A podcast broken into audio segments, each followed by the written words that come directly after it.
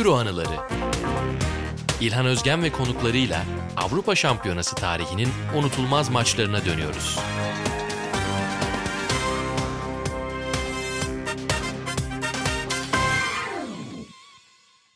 Selamlar, yeni bölüme hoş geldiniz. Bugün yine aslında sık konuştuğumuz takımlardan biri Hollanda'yı konuşacağız. Ama anlatıcımız farklı olacak. Bugünkü Hollanda maçını sevgili Onur Erdem'le konuşacağız. Selamlar müdür, hoş geldin. İlhancım hoş bulduk. Seninle bir La Liga tarihi anlatmıştık yazın. Geçen yaz diyelim. Uzun süre sonra kavuştuk gene podcast'te. Seninle bir şeyler yapmayı seviyorum ya. Teşekkür ederim. Eksik olma, bil mukabele. Şimdi Onur senin türlü türlü görevlerin oldu spor basınında. Ama bana yıllar sonra sorduklarında hani Onur Erdem'le röportaj yaptık abi altına ne yazalım dediklerinde ben şunu yazmalarını isterim. Atahan Altınordu'nun Hollanda yazıları yazdığı Avrupa Şampiyonası sayısının yazı işleri müdürü. O sayıda hatta kulaklarını çınlattık. O destana sadece 3 sayfa vermişsin gene yapmışsın yapacağını. Ve Atahan'ın 2000 Hollanda'sını kırpmışsın ve sadece İtalya maçıyla sınırlı kalmış. Bence Yugoslavya maçını yani bugün konuşacağımız maçı almak için o zamandan planları yapmışsın gibi geldi bana. Yani şöyle söyleyeyim. Dergi 75 sayı çıktı şu ana kadar. Bu 75 sayıda haksız kazançla en fazla sayfaya konan insan Atan. Böyle bir suçlama yapma lüksü yok öncelikle. Onu söyleyeyim. Bir. iki. Ben zaten burada. Suçlayan benim. Bu yazıyı ha. nasıl 3 sayfada bırakır? Atan tabii ki suçlamıştır seni. Onun zaten işi o da. Hani ben de suçladım. Yani bu yazı nasıl 3 sayfada kalır? Çünkü bir Ama... destan o. Oradaki yazıda şöyle bir şey var yanlış hatırlamıyorsam. Atahan'a zaten sadece Hollanda-İtalya maçını vermiştik. Yani Atahan onu muhtemelen kendisi alıp o maça gelene kadar yani mesela ilk 5 sayfası sadece o maça gelişidir.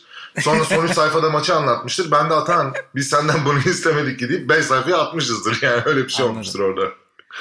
Zaten o maçı tekrar Atancım'la konuştuk. Biliyorsun onda acayip etkisi olan bir maç. Yine aynı etkiyle aynı heyecanla konuştu. Ama yani Atağın aklı ben sana ayrıca bunun için de teşekkür edeceğim. Benim de izlediğim yani 74 Hollanda falan sonra oturdum izledim tabii de.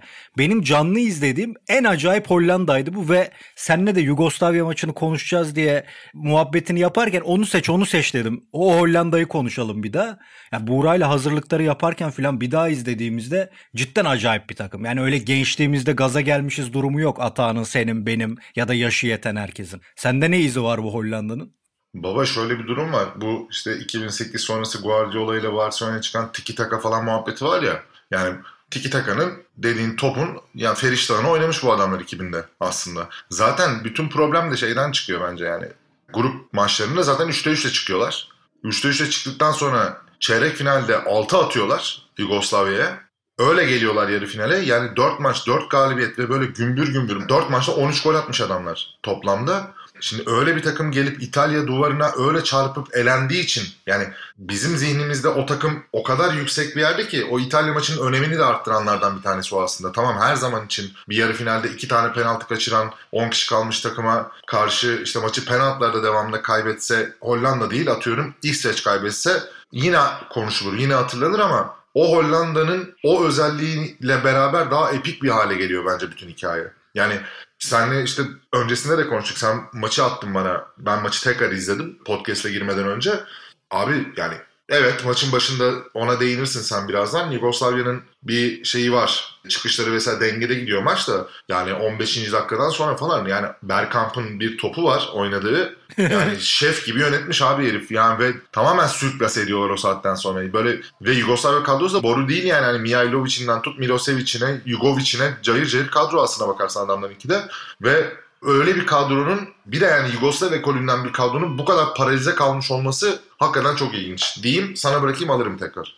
Evet yani benim bu turnuvayı tekrar izlediğimde dikkatimi çeken aslında Hollanda'nın yavaş yavaş ısınmasıydı. O zaman da öyleydi. En aklımda kalan şey. Yani grupta da yavaş yavaş geldi geldi. Sonra Fransa maçıyla bize acayip bir şey gösterdi. Ve ondan sonra da Yugoslavya maçında patladılar diyelim. O açıdan yani mesela Fransa Hollanda'yı da bugün keşke biri seçseydi de oturup konuşsaydık hatırlarsın. O da acayip zevkli bir maçtı. 3-2'lik maç. Aynen öyle. E burada da işte Atahan'la konuştuğumuzda da onu konuştuk. İtalya maçının bir diğer acayip hatırlanmasının sebebi Hollanda gibi bir makine var. Karşısında 10 kişi kalınca daha iyi direnen bir İtalya var. Hani maç tamamen başka bir masala gelmişti. Yoksa çok öyle herhangi bir maçta oynanabilir ama burada iki takımın rolü ilginçti. Ama bu Hollanda yani o topu biz alacağız size de vermeyeceğiz. Defansımıza gelseniz de duvara çarpacaksınız mesajını veren bence son takımdı.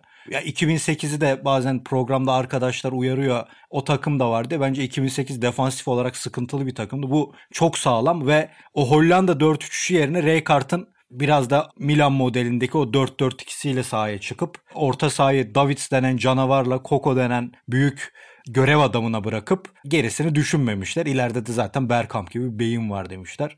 Burada da dediğin gibi yani o Mihailovic'in kaçırdığı gol çok kritik ama ondan sonra pozisyonun direkt dönüşünde attığı çalım, vurduğu plase zaten diyorsun ki ya Bergkamp başlayacak oynamaya ve hakikaten başlıyor oynamaya. Golü yok ama golden çok fazla şey yapıyor.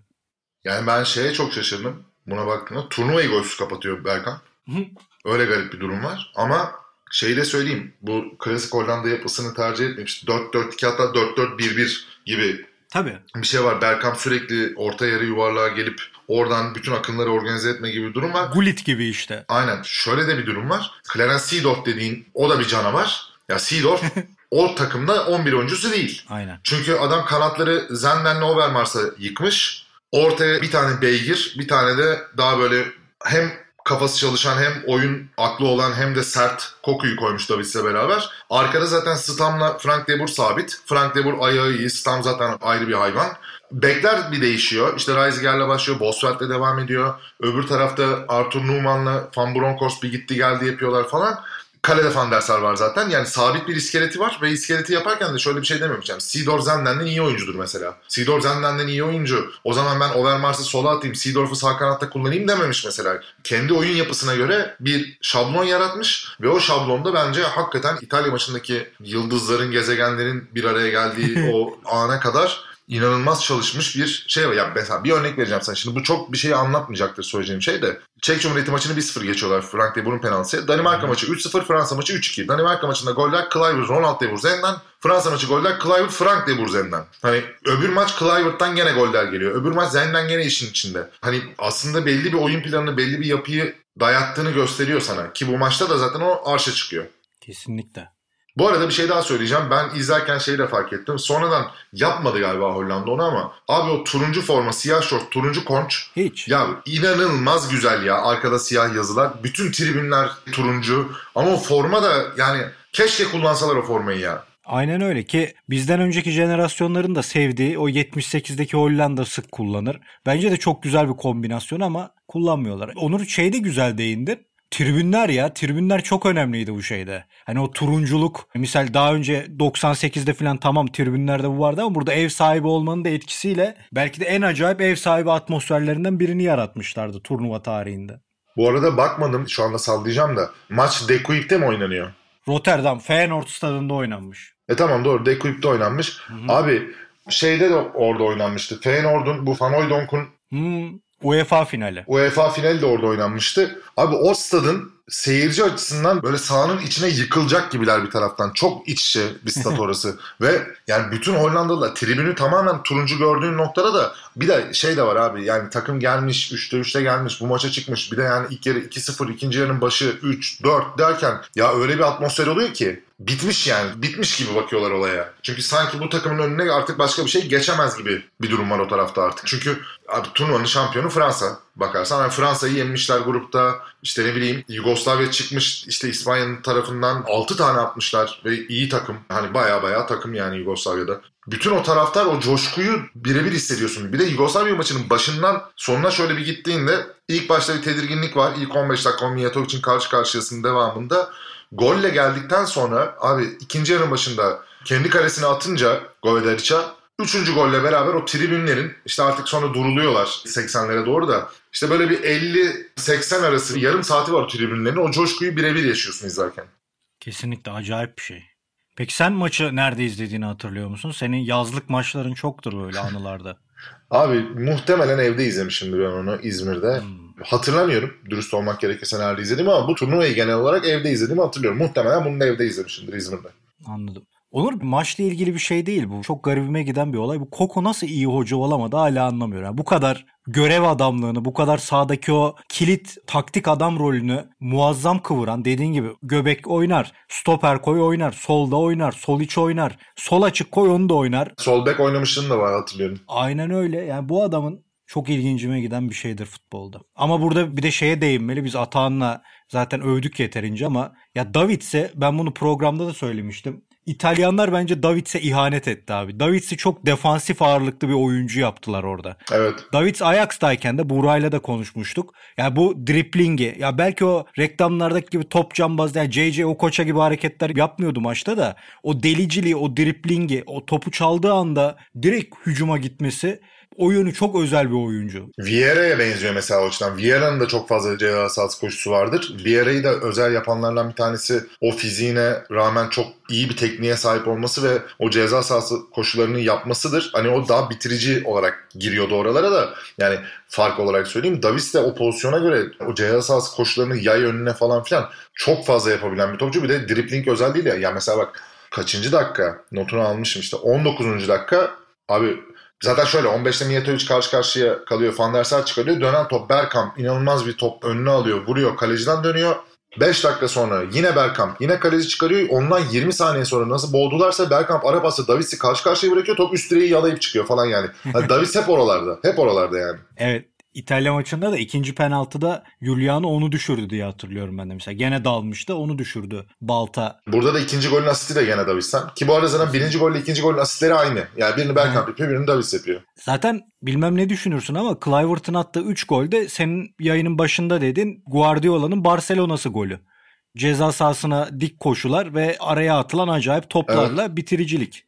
Bu arada Clivert'ın maçta bunun dışında da benzer birkaç pozisyon daha var. Evet. Birine ayağı yetmiyor, bir tanesinde savunma araya giriyor, birini kaleciden dönüyor falan. Yani zaten o turnuvanın da yıldızı. Yani turnuvada ondan öncesinde kaç golü var? İki golü var. Buraya geliyor, burada üç tane atıyor. Beş gol. Yani ilk maç hariç her maçta ata ata gelmiş zaten buraya.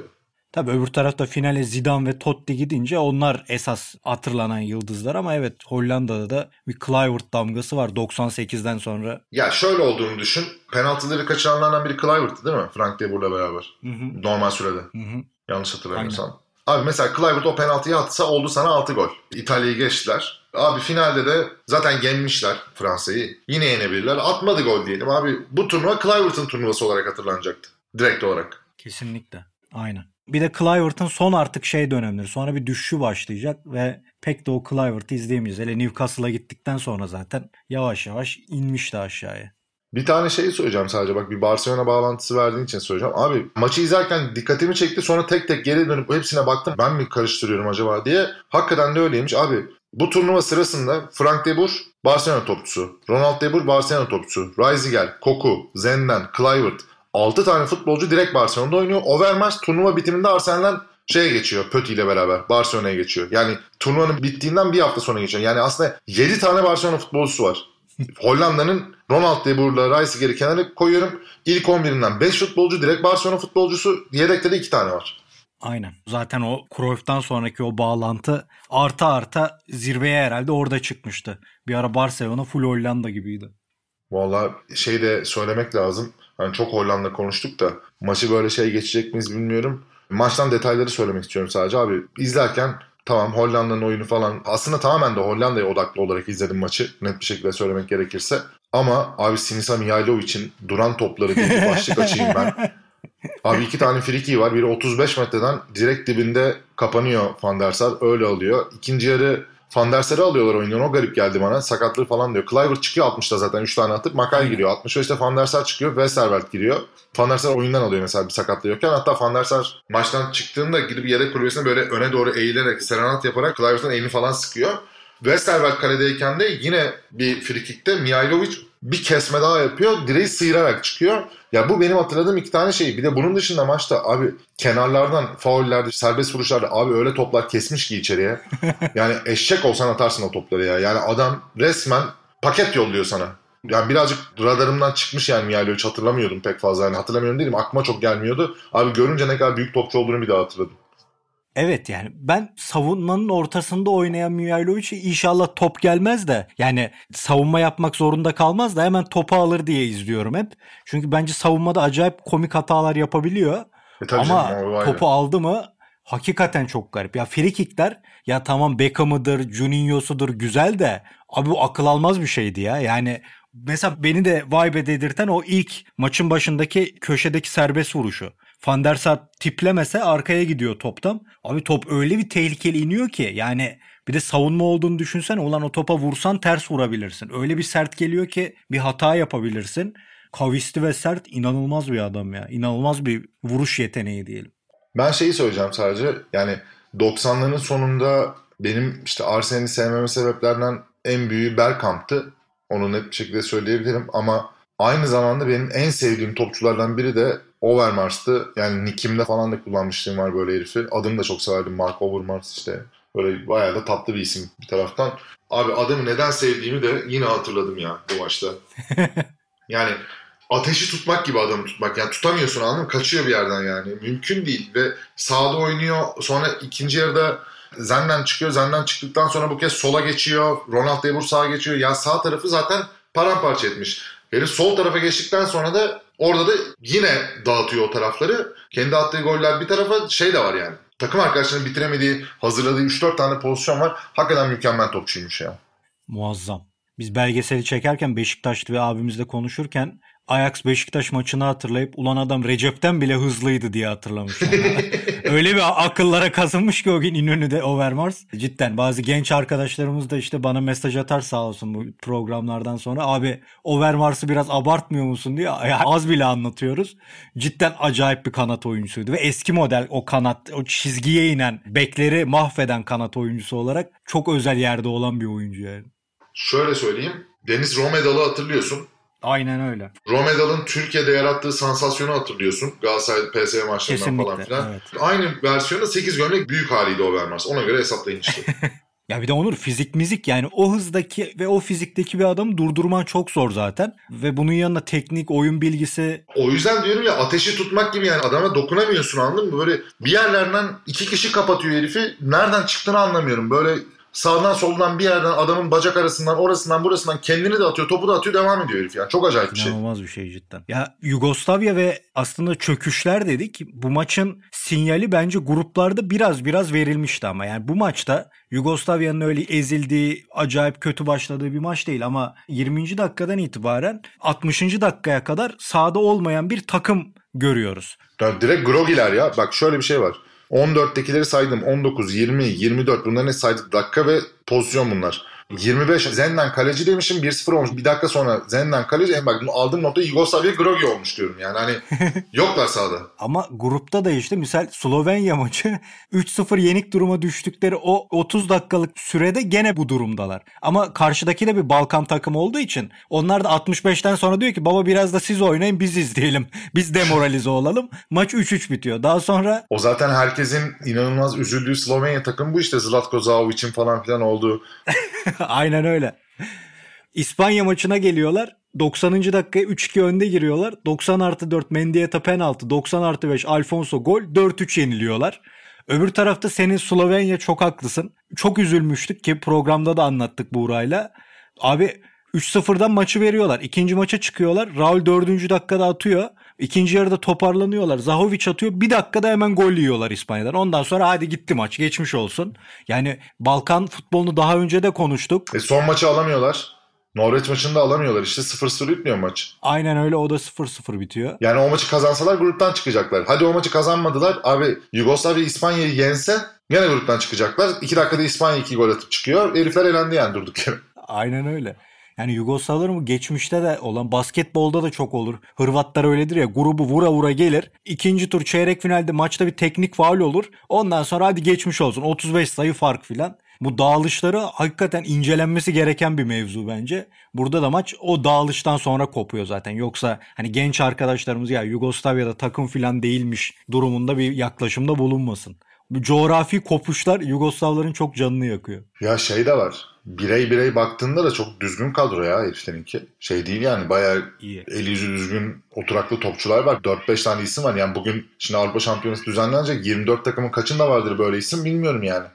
Jugovic gibi bir adam var mesela. Çok özel bir orta saha. Mesela Mihailovic var, Milosevic var, Turnuvanın Mijatovic adamlarından var. Durulovic var. Turnuvanın Ha mesela. grup döneminin en iyi oyuncularından biriydi. Fena takım değil. E, Stojkovic var. Yaşlı kurt artık. Yaşlı yani kurt. Çok mühim bir adam. E, Stankovic kenardan geliyor dediğin gibi. Aynen. Onur peki sence maçın kırılma anı Bergkamp'ın oynamaya niyetlenmesi mi? Yani maçın kırılma anı Bergkamp'ın niyetlenmesini bilmiyorum. Ama şeyi söyleyebilirim. Maçın kırılma anı bence Mijatovic'in karşı karşıya kaçırdığı top. Hmm. Yani şimdi büyük beklentiyle gelmiş. 3'te 3 yapmış bir Hollanda var. İkinci tur maçına çıkmış. E abi seyirci evet şu anda övdüğüm seyirci ama dediğim gibi yani 15'ten 25'ten sonraki o yarım saatte özellikle coşan bir seyirciden bahsediyorum. Yani Mijatovic orada o golü atmış olsa belki de turnuvada ilk kez Hollanda'nın üzerine bir soru işareti bırakmış olacak. Belki o gün o gol bir şeyi değiştirebilirdi Yugoslavya adına bilemiyorum ama yani onu kaçırdıktan sonra 10 dakika içinde 5 tane pozisyon yiyorlar abi. Bu 5 tane pozisyonun dönen top Bergkamp, Bergkamp kaleci çıkarmış, Bergkamp arabas Davis, Bergkamp pas Kluivert gol. Yani o 9 dakika içerisinde Bergkamp tek başına 4 tane pozisyonu var abi adamın. Yani evet o gol kaçmış kırılma anına onu vereyim ama yani o kırılma anından sonra maç bir şeye döndüyse de evet onun da başrolü tamamen Bergkamp. Yani kusursuz bir şey ya o 10 dakika. Maçın 14. dakikası ile 24. dakikası arasını açın, izleyin. 4 tane pozisyon çıkartmış adam. Evet. İnanılmaz bir şey yani. Birinde karşı karşıya bırakmış Davids'i. Üst direği yalayıp çıkmış. Birinde Kluivert'a asist yapmış. Gol olmuş zaten. İki tanesinde kendisi kaleciyle bir şekilde buluşmuş karşı karşıya. Vurmuş kaleci çıkartmış. Öyle olmuş böyle olmuş. Ya olacak iş değil yani adamın oynadığı top. Ya Onur güzel bir noktaya değindim bence. Bazen çok da tartışırız arkadaşlarla, takipçilerle, iş yerinde. E iyi de ne yapmış? 10 dakika top oynamış. Abi adam öyle bir 10 dakika oynuyor ki. Yani rakibi bitiriyor zaten. Bergkamp'ın şu 15 dakikada oynadığı futbol 90 dakika sahada basmadık yer bırakmayan bir oyuncuyla aynı etkiyi yaratıyor. Belki daha fazla etkiyi Aynen. yaratıyor. Yani rakibin elini ayağını bağlıyorsun. Bitti tamam. Yani hadi güle güle. Zaten toplasan bu adam ne kadar piyasaya çıkacak ki maç boyunca. 10 dakikalık futbol bu sonucu getiriyorsa e tamam büyük futbol oynamış işte adam. Bir de bak dediğine şöyle bir şey tam şimdi pozisyon becerisi diye bir şey de vardır forvetlerde de. Atıyorum bir takım öyle bir yarı sahaya işte yığar ki oyunu. Abi senin forvetin işte hücum oyuncun dört kere böyle kaleciyle karşı karşıya kalır golünü atar bir şey yapar falan filan. Ya bu öyle bir şey değil. Bergkamp'taki durum öyle bir şey yok. Yani ortada giden bir maç var. Topla ceza sahasının işte klasik deyimle Yugoslavya'ya bakan yarı dilimin oralarda buluşan bir Bergkamp var. Ondan sonra her buluştuğu topun devamında pozisyon çıkıyor. Evet. Yani adam sıfırdan var ediyor. Yani toplu bir Hollanda oyunu var. O Hollanda oyunu Bergkamp'ı yüceltmiş gibi bir durum yok. Hollanda oyunu diye bir şeyi birebir baştan ateşini yakıp harlayan adam Bergkamp orada. Kesinlikle. Ya o da bir fark yani diğerlerine göre. Bergkamp'ın rakip ceza sahasında yarattığı etki Yugoslavların topu uzaklaştırma çabasıyla Davids'i ortaya çıkarıyor. Davids'in topladığı serseri toplar Overmars'ı Zenden'i işin içine sokuyor. Dediğin gibi o ateş böyle yakılıyor ve böyle devam ediyor ondan sonra zaten. Bak bir örnek vereceğim sana. Bergkamp'ın sıfırdan yaratmasıyla alakalı. Abi benim hayatımda izlediğim, gördüğüm en iyi asistlerden belki de birincisidir. Juventus'a Montero'yu maymun edip attığı bir tane şey var. Lumberg'in önüne. Aynen. Abi ceza sahasının köşesinde ya herif. Ceza sahasının köşesinde. Arkasında iki tane falan şey var. Juventus var. Sırtı kaleye dönük. Orada alıyor topu öbürüne çekiyor. Oradan çekiyor. Öbürünün ayağının yanından alıyor. Tutuyor, itiyor, getiriyor falan. Kendi kendine böyle bir metrekare içerisinde üç kişiyi topla oynatıyor, oynatıyor, oynatıyor. En son Montero'nun belini kırıyor. Topun dibine tık diye bırakıp Lumberg kaleciyle karşı karşıya böyle gol attırıyor. Yani burada ne diyeceksin ya bu tamamen şey yani el yapımı baştan sıfırdan yaratılmış pozisyon abi bu. Hani şimdi bu adamın özelliği bu zaten. Yani Bergkamp'ı bu kadar eşsiz biricik kılan şey bu yani. Ya elbette Cruyff çok önemli bir isim. Oyun zekası beni izlediğimde çok büyülemişti. Hala da izleyip büyüleniyorum ama bu adamı da o seviyeye bence koymak lazım. Zeka olarak, futbol zekası olarak çok farklı bir şeydi. Görmediğin şeyleri gördüğü kesin yani adamın. Çok kesin yani. Ben Inter'e hala kızarım yani. Şu adamı nasıl kullanamıyorsun ki? Neyse kıymetini bilen bir adamın eline gitti Arsenal'e de. Aynen, aynen. Yalnız bir şey diyeceğim. Maçtan bu kadar konuştuk. Maçın en iyi pozisyonunu söylemedim ben daha. Maçın en güzel hareketi. Seni öldüren pozisyon oldu o değil mi? Tahmin ettiğin pozisyon. Yok ona geleceğim. Abi Mijatovic'in şutunu söyleyeceğim ben ya. İşte onu diyorum aynen. Çünkü Ha. şoka girmiş gibi anlattın bana yayından önce. Aynen aynen ha ha tamam tamam. Ben yok Koku'nun ikiye bölündüğü pozisyona girecektim daha sonra ona daha girmedim. Abi ben bu maçı 6-0 hatırlıyorum tamam mı? Bak net söyleyeyim sana. Ben sana hatta konuşurken dedin ya bana hangi maçı istiyorsun? De dedim şey var. 3 tane maç söyledim sana. Hı hı. O 3 maçtan biri buydu. 6-0'lık Hollanda Yugoslavya maçı dedim sana. Maç kafamda benim 6-0 kalmış abi. O şekilde yaşamışım yani. Abi maçı bir açtım 6-1 yazıyor. Allah Allah dedim lan ne olmuş Milosevic diyor falan filan. Ay hiç hatırlamıyorum golü. Baba 90 artı 1'de durum 6-0 iken Mijatovic bir şut çıkarıyor olmadık yerden. Ya Van Basten'in 88'de Sovyetlere attığı golün neredeyse biraz daha düzgün açıda olanı Westerwelt böyle mala bağlamış top üst direkten öyle bir bombeyle bir şut çıkarıyor ki herif böyle top arştan aşağı iniyor yani öyle söyleyeyim. Düz direkten geri geliyor Milosevic dönen topu tamamlıyor. Ama ben ya şoka girdim ya hatırlamıyorum ya bir de. Ulan diyorum bunlar nereden gol atmış falan filan diyorum. Maçı da izliyorum. Dakikasını da hatırlıyorum yani 90 artı. Allah Allah nereden gelecek? Abi Mijatovic şutu bir çıkardı. Aha dedim ne oluyor? Böyle bir şey vardı lan burada diye. İnanılmaz bir şut ya. Tam Mijatovic ama ya. O tek vuruşlara özel bir oyuncuydu. Genel olarak eleştirebilecek yerleri vardır belki ama o vuruş yeteneği çok garipti. Çok özel oyuncuydu hakikaten. Onun nevi şahsına münasır kendine has vuruş dedik. Şeyi unutmayalım. Makay oyuna girip girdiği anda kendine has bir kafayla gole yaklaşıyor. Aynen. Girdi Öyle. hatta 5. saniye falan böyle saçma sapan bir şey değil mi? Daha o? televizyonda Yani, değişiklik şeyi yok. Bildirilmemiş. aynen kenardan giriyor sonraki pozisyonda şeyi görüyorsun. O pozisyonu görüyorsun. Aynen. Dur bir de şeyi anlatayım ya abi 75. dakika. Kenardan biri orta kesiyor. Kaleye paralel gidiyor. Arka direğe doğru gidiyor. Milosevic ile Koku da topa koşuyorlar. Top kaleciyi geçiyor. Arka direğe doğru iniyor. Abi Milosevic Koku'ya bir böyle kalça mı çıkarıyor artık ne yapıyorsa abi Koku yan direğe bir girdi. Bir ses çıktı o direkten. Ben dedim adam ikiye bölündü.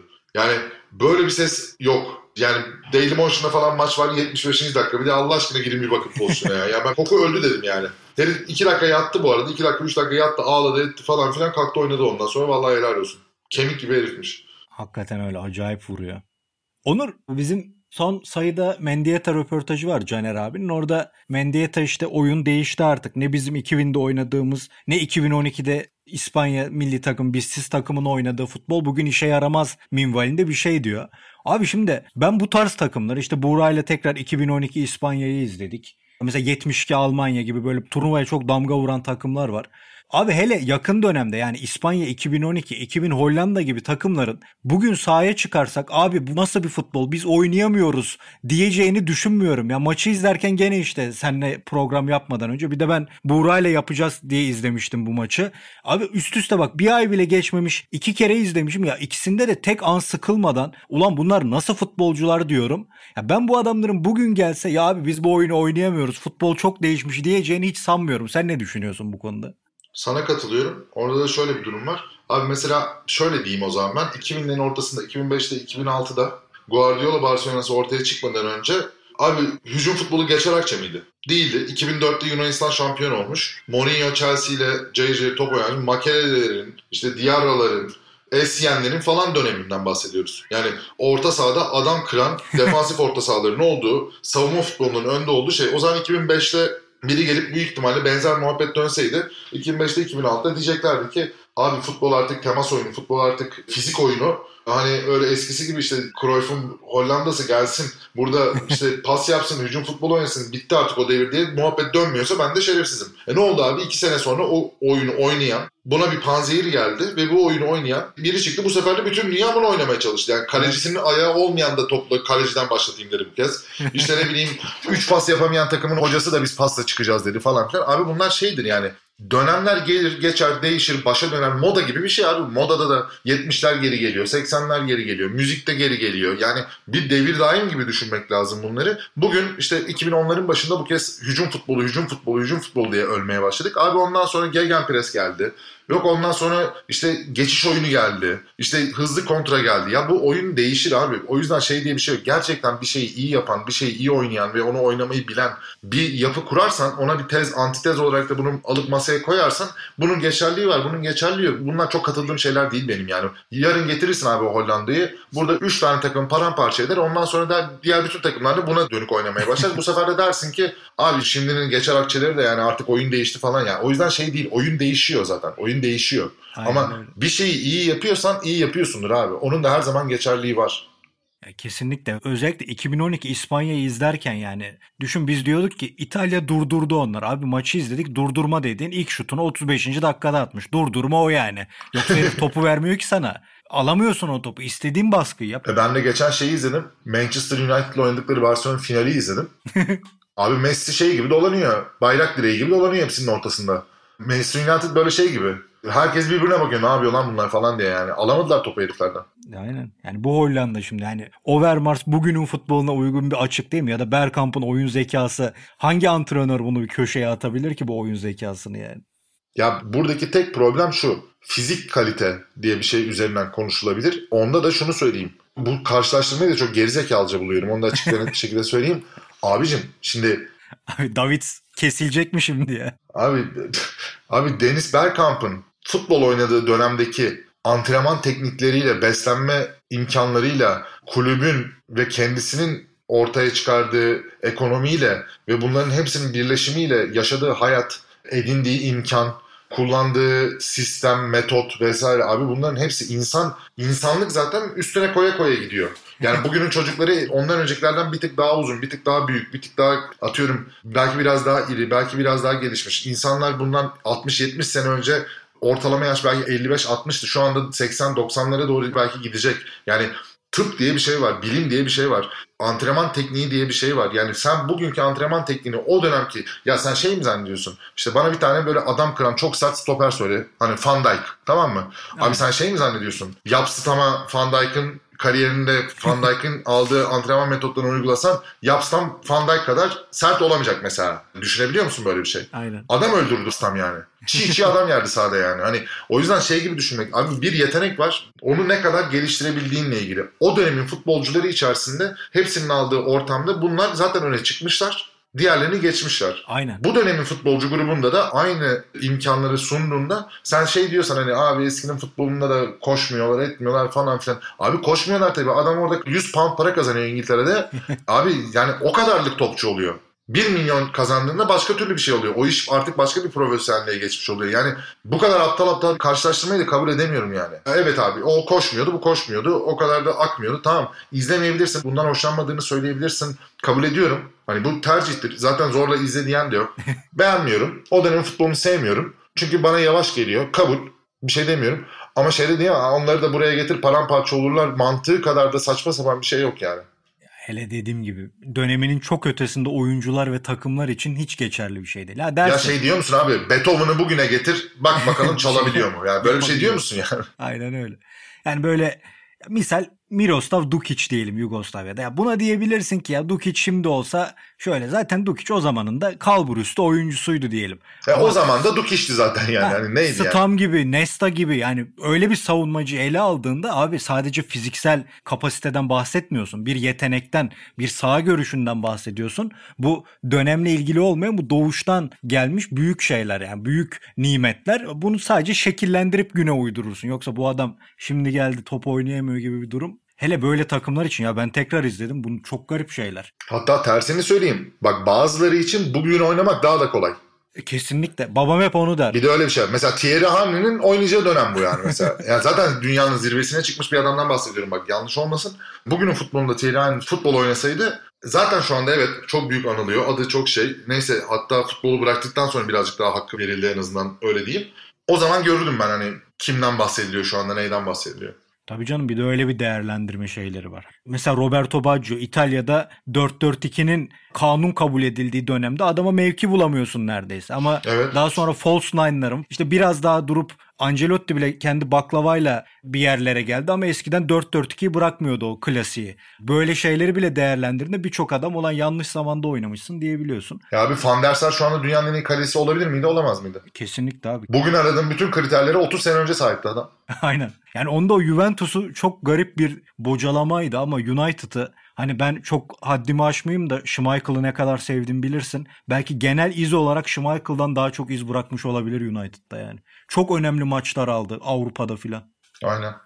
Bir de şey abicim Davids'i düşünsene ya çıkıyor koşamıyorum. Hayır olmuyor. Abi adam deli gibi manyak gibi oradan oraya gidiyordu ya. Abi şey gibi düşün işte Kante gibi düşün yani. Anlatabiliyor muyum? Düşün Kante bir dripling yaptı ya işte bu yarı finalde mi evet, finalde mi? Evet. Vay be filan dedik ya full herif böyle oynuyor futbolu.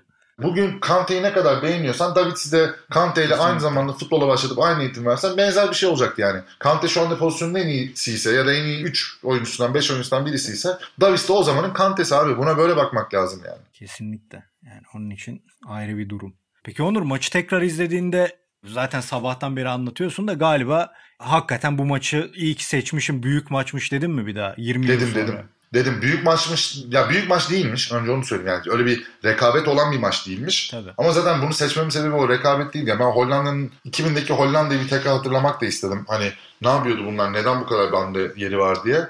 Abi bir nedenini anladım. O beni mutlu etti. Overmars'ı Bergkamp'ı prime'larında gördüm. O beni mutlu etti. Mihailovic'i, Mijatovic'i baştan gördüm. O beni mutlu etti. Yani hatırlamak istediğim ve gözümün önünden gitmiş, birazcık daha arka planda kalmış bazı detayları yeniden hatırlamak, onlarla tekrardan yüzleşmek beni mutlu etti. Sevdiğim şeyleri hatırlattı. O yüzden iyi ki seçmişim diyorum bu maçı. Peki Euro 2000 sende ne bıraktı? Euro 2000 bende... Benim en sevdiğim turnuvadır misal Avrupa Şampiyonası tarihinde. Yani benim de, benim bir de şöyle bir şeyim var. Ya ben turnuvalarla Hollanda ve Arjantin tutarım. Çocukken daha da keskindi bu. 2006 hariç, 2006'da İtalya'yı tutuyordum. Ama yani o benim için çok büyük hayal kırıklığıydı ya İtalya maçı. Öyle söyleyeyim. Yani Euro 2000'i o yüzden ben hayal kırıklığı olarak hatırlıyorum kendi adıma. Çünkü o De Kuip stadında 80. dakikada her şey tamam biz her şeyi kazandık ve o kadar büyüyüz ki diyen turuncu tişörtlü abilerimiz ve ablalarımız gibi düşünüyordum ben de. Onların yaşadığı hayal kırıklığını 16 yaşında bir çocuk olarak aynısını ben de bizzat yaşadım sonra. Üstüne bir de geri zekalı İtalya. Madem eledin finallere gittim İtalya'yı tuttum. Ondan sonra gitti o salaklarla Fransa'ya yenildiler. Aynen. Yani baştan aşağı saçmalık benim için o turnuva. Ya sen 10 kişiyken Hollanda'ya direnmişsin. Ya bari bir uzun topa dayanacaksın ya. Ona da dayan da bari yerini bulsun. Ya hepsini geçtim geri zekalı Abel Xavier. Ya gidip öbür yarı finalde 117. dakika sanki Wiltord'un vurduğu top kaleye gidecek, paralel gidecek geri zekalı elini uzatıp orada penaltıyı yaptırıyorsun. 117'de altın golle eğleniyorsun ya. Bırak oyna Portekiz çıksın bari finale. Oynasın İtalya Portekiz ya. Durduk yere Fransa'yı bir şey yaptılar orada. Öbür tarafta Raul son anda penaltı kaçırmıştı. Fransa'da çok Ha, böyle şey aynen şey aynen geldi. doğru doğru. Doğru doğru. Çok acayip Doğru. maçlar var Onur bu turnuvada. Çok fazla yani. Bak daha Yugoslavya'nın grubunda 3 maç saydık ne maçtı diye. Oğlum bu turnuva şey değil mi zaten? Hani turnuvaya başlayacağız. Zaten turnuvanın abukluğunu şuradan anla. İngiltere, Almanya, Romanya, Portekiz aynı grupta İngiltere ile Almanya eleniyor. yani ne diyeyim ki daha yani. Cidden. yani. Belki de en sıkıcı grup bizim D grubuydu. Öyle D öyle miydi C miydi bizimki? D'ydi galiba. B galiba B diye hatırlıyorum. Yanlış Ha, hatırlıyorum. B'de o evet, doğru B. Biz Portekiz'de oynadık çıkıp doğru diyorsun. Aynen. Acayip şeyler dönmüş.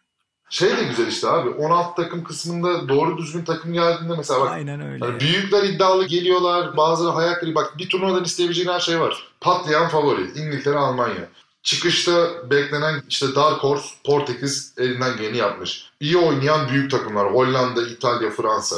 İşte ne bileyim sürpriz kafa uzatan Türkiye, Romanya. İşte ne bileyim hani nereden geldi hiçlikten çıkmış bir Slovenya. Anladın mı? Hani Costa Rica'nın çıktığı gibi zamanında. Yani, Aynen. Evet abi turnuvadan çıkan kendi kendine fırlayan işte Euro 96'dan çıkan Poborski gibi buradan bir Zahovic. Abi bir turnuvadan isteyebileceğin her şey var ya. Dram var, coşku var. Zidane'ın büyük oyunu var. Bir yanda Totti'nin çok Aynen. iyi oyunu var. Yani yıldızların oyunu var. Aynen Bayağı öyle. Bergkamp şey, coşmuş çok dediğin gibi. paket turnuva anladın mı? Hani al bunu izle yani. Güzel. Kesinlikle. İdeal yani. Benim de favori Euro'mdur. Seçen herkese teşekkürler Euro 2000'den maçı yani. Daha izledik bu vesileyle. Çok teşekkürler Onur. Ağzına sağlık. Ben teşekkür ederim canım benim. Çok sağ olasın. Dediğim gibi seninle yaptığım her işten büyük keyif alıyorum. Beni de davet ettiğin için ben teşekkür ederim. Bil mukabele. Bul gene bir Serie A gol kralları ayarlayamadın yapamadık bir türlü. Çözeriz ona benzer bir şey. Aynen artık 4 saat mi ben İtalya konuşurum. Sen zaten uzun konuşan, uzun yazan adamsın. Batistuta filan 6 saat sürer. Şey gibi, Olmi filmleri gibi gideriz yani. Teşekkürler eksik olma ağzına sağlık. Eyvallah canım. Sizlere de teşekkür ederiz dinlediğiniz için. Görüşmek üzere diyelim. Hoşçakalın.